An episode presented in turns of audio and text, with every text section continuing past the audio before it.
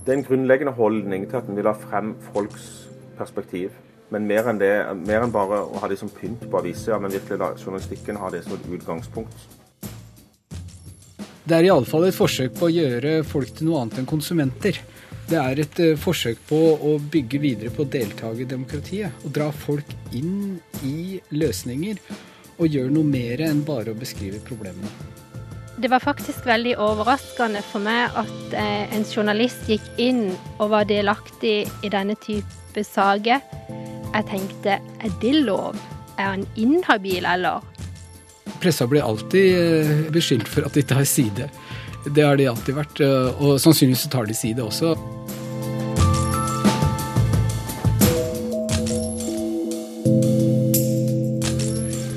Dag skal Kurer handle om public journalism. Det er et navn på en journalistisk metode som av flere oversettes til deltakende journalistikk på norsk.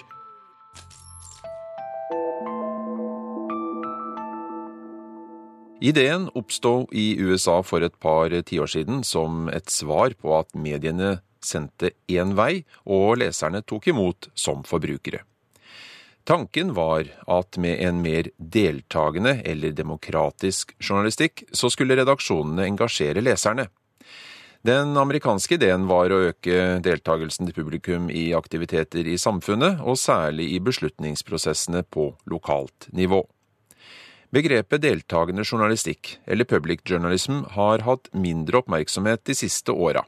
Men i vår ga Roar Osmundsen, som også er redaktør i Søgne og Sogndalen Budstikke, ut bok om emnet, med tittelen nettopp Public Journalism. Public journalism er jo et gammelt begrep fra USA. Eh, så vi lekte lenge på om vi skulle Vi burde kanskje funnet et annet begrep, men vi fant ut samtidig at det var det ordet vi eh, der, der hvor folk, Det er noe folk har hørt om før, og vi kunne vise til hvilken retning vi ønska. På norsk så kaller jeg det bare for deltakende journalistikk. Eh, så kan du jo innvende at all journalistikk skal jo være deltakende. Eh, men jeg er ikke helt sikker på om man alltid er det. det, altså det begrepet er ikke noe jeg har funnet opp som sådan, det er bare en, for, er bare en norsk oversettelse fra et eh, engelsk begrep. Og eh, det en ser på denne deltakende journalistikken, er at den, det blir en sånn et uh, nytt hybrid mediesystem hvor uh, det er færre, færre journalister men hvor innholdet fra en stadig mer uh, studert befolkning, uh, lesermasse, så blir det mer samspill. Så journalisten blir mer et sånn nav i midten. Som eh, i noen tilfeller bruker han folk der ute som faktainnhentere, andre ganger til å skrive hele historien. men journalistrollen er der hele tiden, men han, men han blir litt omdefinert.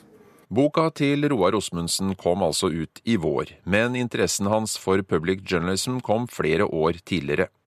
Nei, altså Jeg begynte jo med lesing og litt sånn forskjellig lenge før. Det begynte med i 2011, og så skrev jeg et notat, en ABC da, til de fire pilotavisene i LLA. Skrev jeg i eh, 2012. Eh, det var en, en sånn 60 siders sak som eh, var veldig teoretisk. Eh, jeg prøvde å tenke ut teoretiske eksempler i Norge, f.eks. For, for å ta de gamle amerikanske eksemplene og skalere de ned til lokalavis og lokalavisens økonomi. Og det er ganske stor forskjell. Charlotte Observer f.eks. hadde 260 000 i opplag denne gangen på, eh, på 90-tallet. og i et område med 1,8 millioner innbyggere og eh, flust av annonseinntekter. Så de hadde muskler til å gjøre ting som ingen avis i Norge i hvert fall kan gjøre i dag. Eh, og men jeg, jeg, jeg, gikk inn og så på filosofien, og så skalerte jeg det ned til eh, norske lokalaviser. For tanken er at du kan alltid gjøre ting dyrere. Det er aldri vanskelig å bruke mer penger. Det er alltid vanskelig å bruke mindre penger. Så, eh, så jeg lagde noen teoretiske eksempler, eller tenkte eksempler da, på norsk virkelighet. Og så eh, leste de fire pilotavisene dette, og så brukte de det som utgangspunkt. Eh, og så fikk jeg da praktiske eksempler. Og Underveis har de praktiske eksemplene begynt å komme inn, og vi utvida nettverket vårt både til Sverige og Nederland og, og begynte å få uh, gode folk som vi kjente. Så dukka ideen opp om kanskje vi burde få det i form av rett og slett samlet ei bok, som vi kan dele det til hele mediebransjen. Og Osmundsen ville finne ut hva leserne av hans egen lokalavis, Søgne og Sogndalen Budstikke, var opptatt av, og derfor gjennomførte de en spørreundersøkelse. Vi eh, spurte 800 stykken i vårt dekningsområde. Eh, og eh, folk bryr seg om tjeneste. Bryr seg om det som er nært for dem. Altså, hvordan går det med barna våre og de eldre og så. Hvor, hvor er det vei, hvorfor er det kø? Den type ting. Hvordan ser det ut, hvor sentrum ser ut. Sånne, sånne nære, viktige spørsmål. Og midt i Søgne og Sogndalens Budstikkes dekningsområde så lå det en sak som handlet om nettopp dette. Utbygging av Lunde sentrum et lokalsamfunn med mange antikvariske hus. Lunde har um, en unik samling av eldre trehus som er fra mellom 100 og 200 år gamle. Uh, og Lundeelva de snor seg langs uh, de vakre sørlandshusene, og, og idyllen er bare til å ta og føle på på Lunde. Det sier Gunn Reidun Myran, som sitter i styret i Lunde velforening. Situasjonen var klassisk. Et sentrumsområde hadde blitt regulert av politikerne til ombygging. Eiendomsutviklerne var i full gang, men flere av innbyggerne strittet imot. Og hva kunne de gjøre når reguleringsplanen de var imot, allerede var politisk vedtatt? Du kan si Da Lunde Vel kom på banen i denne saken, så var det egentlig klar ferdig for seint. Og det at pressa har engasjert seg i saken, har vært svært avgjørende for utfallet av denne saken. Det som hadde skjedd der, var at eh, det er et sånt eh, antikvarisk eh, spesialområde i, i Søgne kommune. Hvor politikerne hadde vedtatt en ut, utvikling av området med noen regler som var veldig på tvers av egentlig de interessene som lokalbefolkninga hadde. Men så var det nok også veldig, sånn, blitt veldig sånn altså Dialogen hadde stoppa opp. Og det er nok det jeg ser på som public journalism som metode kan få i gang en dialog der hvor han egentlig har stoppa. Eh, fordi politikerne sa at eh, i tråd med re regelverket at eh, vår oppgave er ferdig. Så vi kan ikke ta opp igjen en sak. Vi har fatta et vedtak, og det er helt riktig. De kunne ikke gjøre noe mer. Men eh, og utbygger hadde en veldig klar idé om at lokalbefolkninga var imot alt som var nytt, og, eh, og. Eh, og lokalbefolkninga hadde en idé om at eh, utbyggeren var eh, bare interessert i penger, og ikke interessert i det lokal, lokalbefolkninga ville. Så hadde vi kjørt en artikkelserie fra et annet område i vårt dekningsområde. Så ringte velforeningslederen meg i fjor sommer og spurte kan vi gjøre noe sånn hos oss. Kan vi få i gang dialogen igjen? Så gjorde vi det ganske intenst, og så leda det inn til et folkemøte som jeg leda. Jeg var veldig tydelig på etikken av hva jeg kan gjøre. Jeg kan jeg kan journalistisk prøve å få i gang igjen en dialog, men løsninga den, den, er i folks og utbyggers hender. Den kan ikke avisen eh, Vi kan selvfølgelig på lederplass ha en mening om hva som er lurt og ikke lurt, men, men det, det, det, hører i så fall hjemme på lederplass, og ikke, det, ikke nyhetsartiklene som fortløpende går. Så, eh, men vi ønsker altså å få frem ganske metodisk å finne ut av hvilke verdier er det som står på spill her. Hva er det folk er redd for å miste? Eh, for det kan være en sånn nyttig inngang på det hele. I stedet for at vi bare ender i en sånn diskusjon skal det være hus som er med flattak eller med skråtak, skal det være betong eller skal det være hvit, eh, hvitmalt eh, tre, tre, trebekledning. Altså, for det, det, blir en sånn teknisk greie med eksperter. Så vi ønsker oss å få i gang en dialog på først og fremst hva er det folk føler er trua. Og så kikka vi litt på historikken. Og så var det selvfølgelig å snakke med utbygger på hva må de ha for å de skal kunne få overskudd i prosjektet. Og Så stilte vi et, eh, tok vi da et oppgjør med den inngrodde forestillingen om at velforeningen ikke ønsker noe utvikling. Så vi spurte de er dere er innforstått på at det kan komme endring. Og Det sa de tydelig. Og Så ble det da et folkemøte som jeg samtykka til å være møteleder i. Um, og da eh, igjen så var jeg tydelig på at her kan jeg bare sørge for dialog eh, og ingenting annet. Og der inviterte vi alt av media. Eh, konkurrenter og alt mulig. Eh, eh, og så spurte jeg i starten av møtet de utbyggerne er dere villige til å vente litt, og så la velforeninga betale for en ny tegning på hvordan det kan se ut. Så han ene av de to utbyggerne sa OK, og den andre ville ikke det, for der var det enda mer fastlåst. Der, det, der fikk vi ikke til en dialog. Men vi fikk det det ene tilfellet.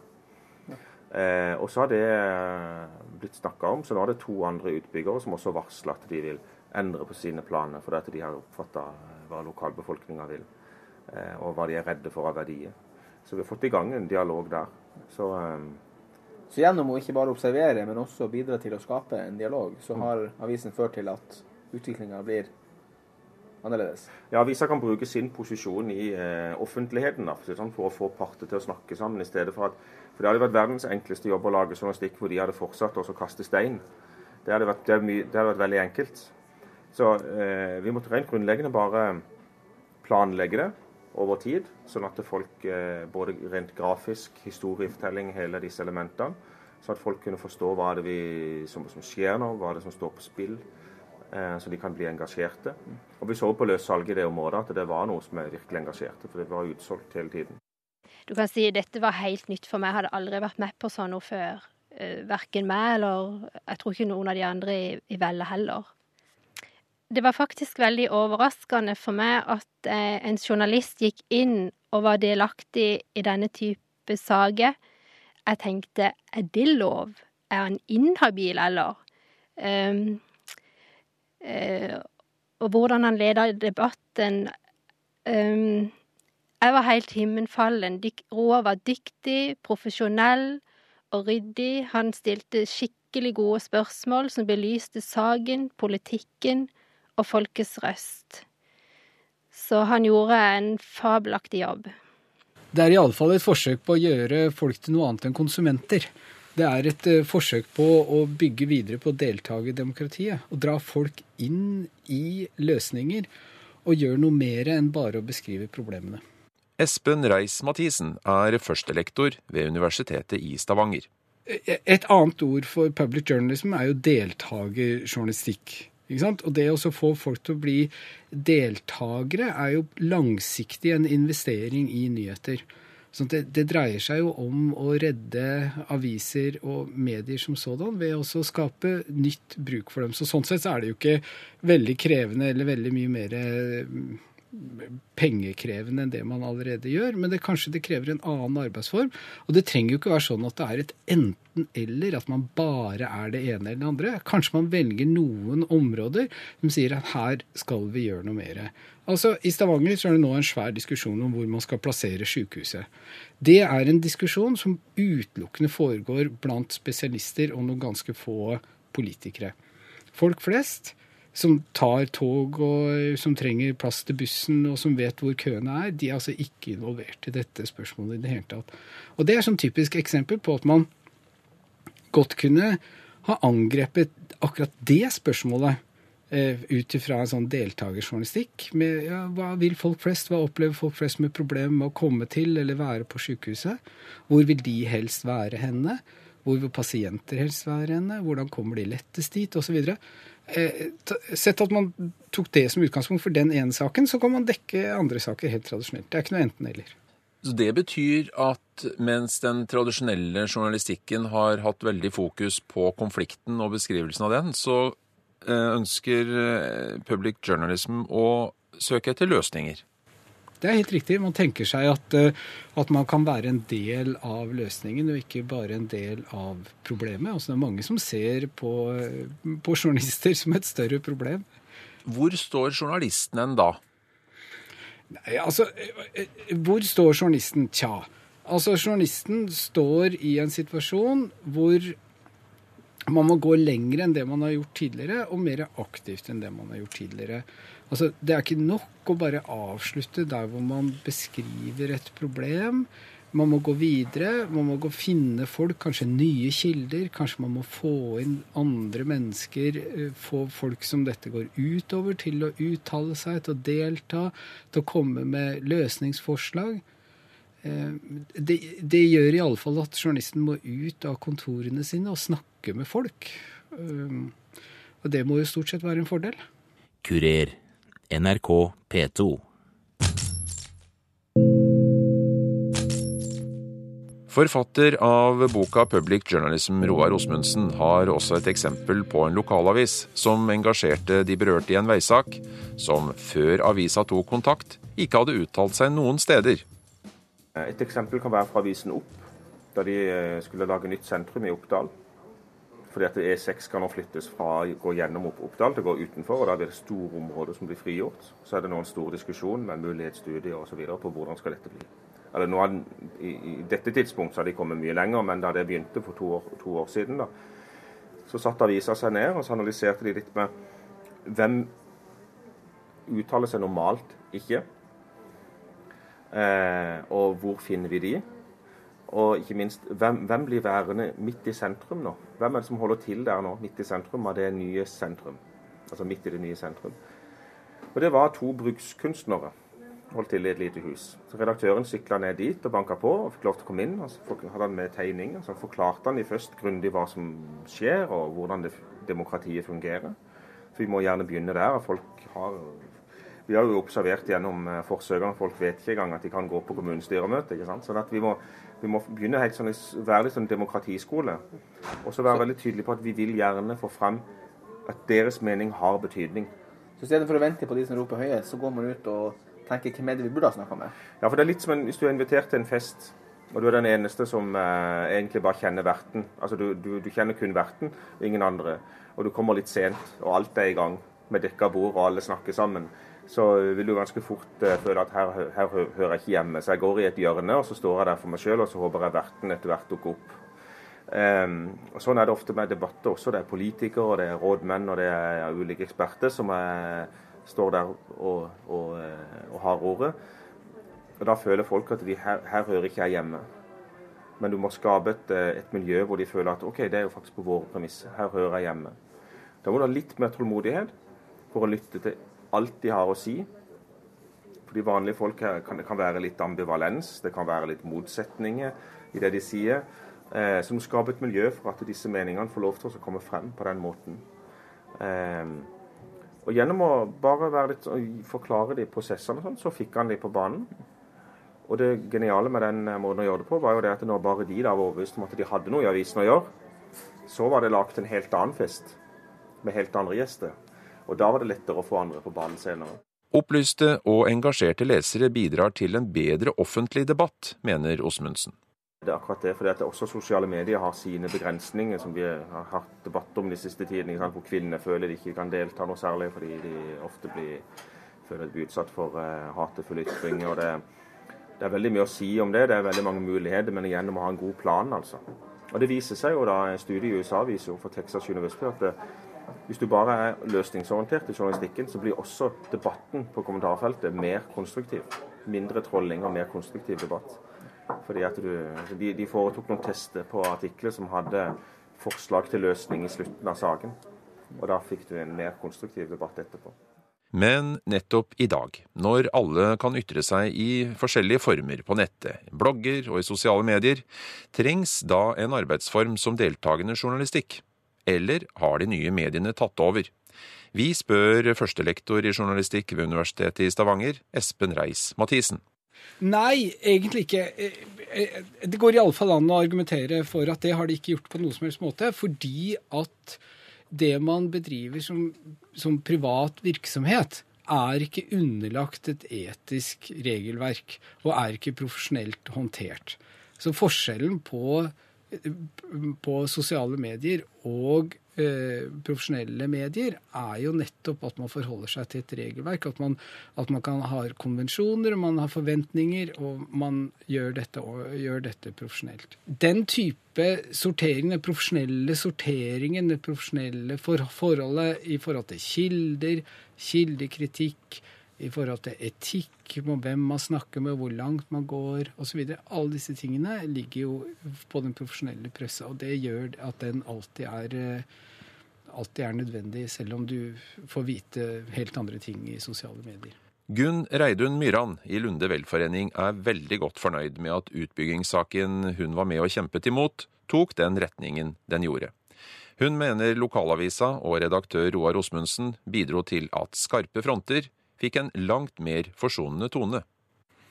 Eh, han var tydelig godt forberedt. Han satte seg inn i saken, og med det skapte han en troverdighet og tyngde i, i spørsmålene sine.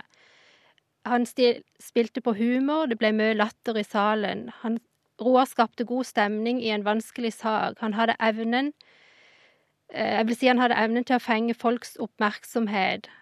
Og dette ble da starten på et godt samarbeid med denne utbyggeren, og jeg syns det var stort at utbygger med utbyggingsplaner fra 150 til 200 millioner forkaster sine planer til fordel for Lundevell sitt forslag. Eh, det hadde, vi, det hadde ikke vært mulig uten et folkelig engasjement, god pressedekning, dyktige samarbeidspartnere og et velfungerende styre i Lundevell. For, for hva Eh, har det hatt å si for dere da i velforeningen at eh, dere og andre folk eh, har blitt hørt? Da føler vi at lokaldemokratiet fungerer. Men så er det da alltid opp til andre enn redaksjonen selv å vurdere å kunne bestemme om pressen behandler dem fair og objektivt. Hva om noen mener at pressen tar side når de jobber på denne måten? Pressa blir alltid, eh, blir alltid beskyldt for at de tar side. Det har de alltid vært. Eh, og sannsynligvis tar de side også. altså Alle journalister tar side på den måten at de velger hvem de snakker med, de velger hvilke saker som kommer opp, de velger hvilke, hvilke argumenter de legger vekt på, hva de presenterer. Så sånn sett så har vi alltid tatt side. Men forskjellen ligger i om man er klar på det. Men her er det ikke nødvendigvis sideaktør i den forbindelse at man er aktør for en bestemt sak eller en bestemt løsning på et problem eller et bestemt politisk system. Her er jo, eh, jo premisset at man ønsker å få fram eh, løsninger som ikke nødvendigvis allerede ligger på det politiske bordet, eller, eller som er et elitistisk eh, løsningsforslag. Pressen er alltid en aktør. Eh, det, enkleste jeg kan gjøre hvis jeg, ha, eh, hvis jeg skulle ha lage en enkel nettsak nå, var jo bare å finne fram mobilen og ringe noen politikere jeg kjenner og spørre dem om et eller annet. Så hadde jeg jo hatt en sak. Men jeg, med den jeg velger, og alle de jeg ikke tar med. Så eh, Omdal-utvalget som eh, kikka nærmere på pressen og pressens blindsone, tok jo nettopp opp det der med hva, hva med alle de sakene som vi ikke skriver om.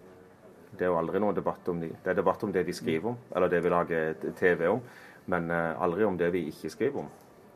Så i vårt utvalg er vi aktører hele tiden. Så til slutt, i Kurer i dag, så gir vi deg et gjenhør fra Radioarkivet i 1969, da NRK og Skolekringkastingen lagde program om journalistrollen. Og her beskrives nok journalistrollen på en litt mer klassisk måte. Her er hovedredaksjonen. Svære bord fulle av papir og skrivemaskiner. Og fotografi og telefoner. Telefoner som ringer uten stans. Framgang, hallo. Hva sier de? Er Charlie Chaplin kommet til byen? Framgang, hallo. Aha, professor Genius Hugskott. Har han funnet opp turt vann? Fantastisk! Ingen handduk mer. Framgang, hallo, hallo. Årsak, hva sa de nå? Hvem har ramla på sjøen, og kvar? Jaså, hun ble berga av en kar. Framgang, hallo, hallo.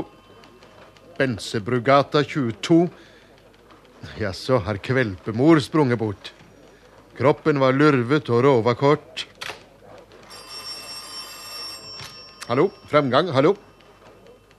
Det brenner om bord i en båt på havna. Ja, nå blir det fart. Journalist Fykom og pressefotograf Knipserud slenger seg inn i en bil.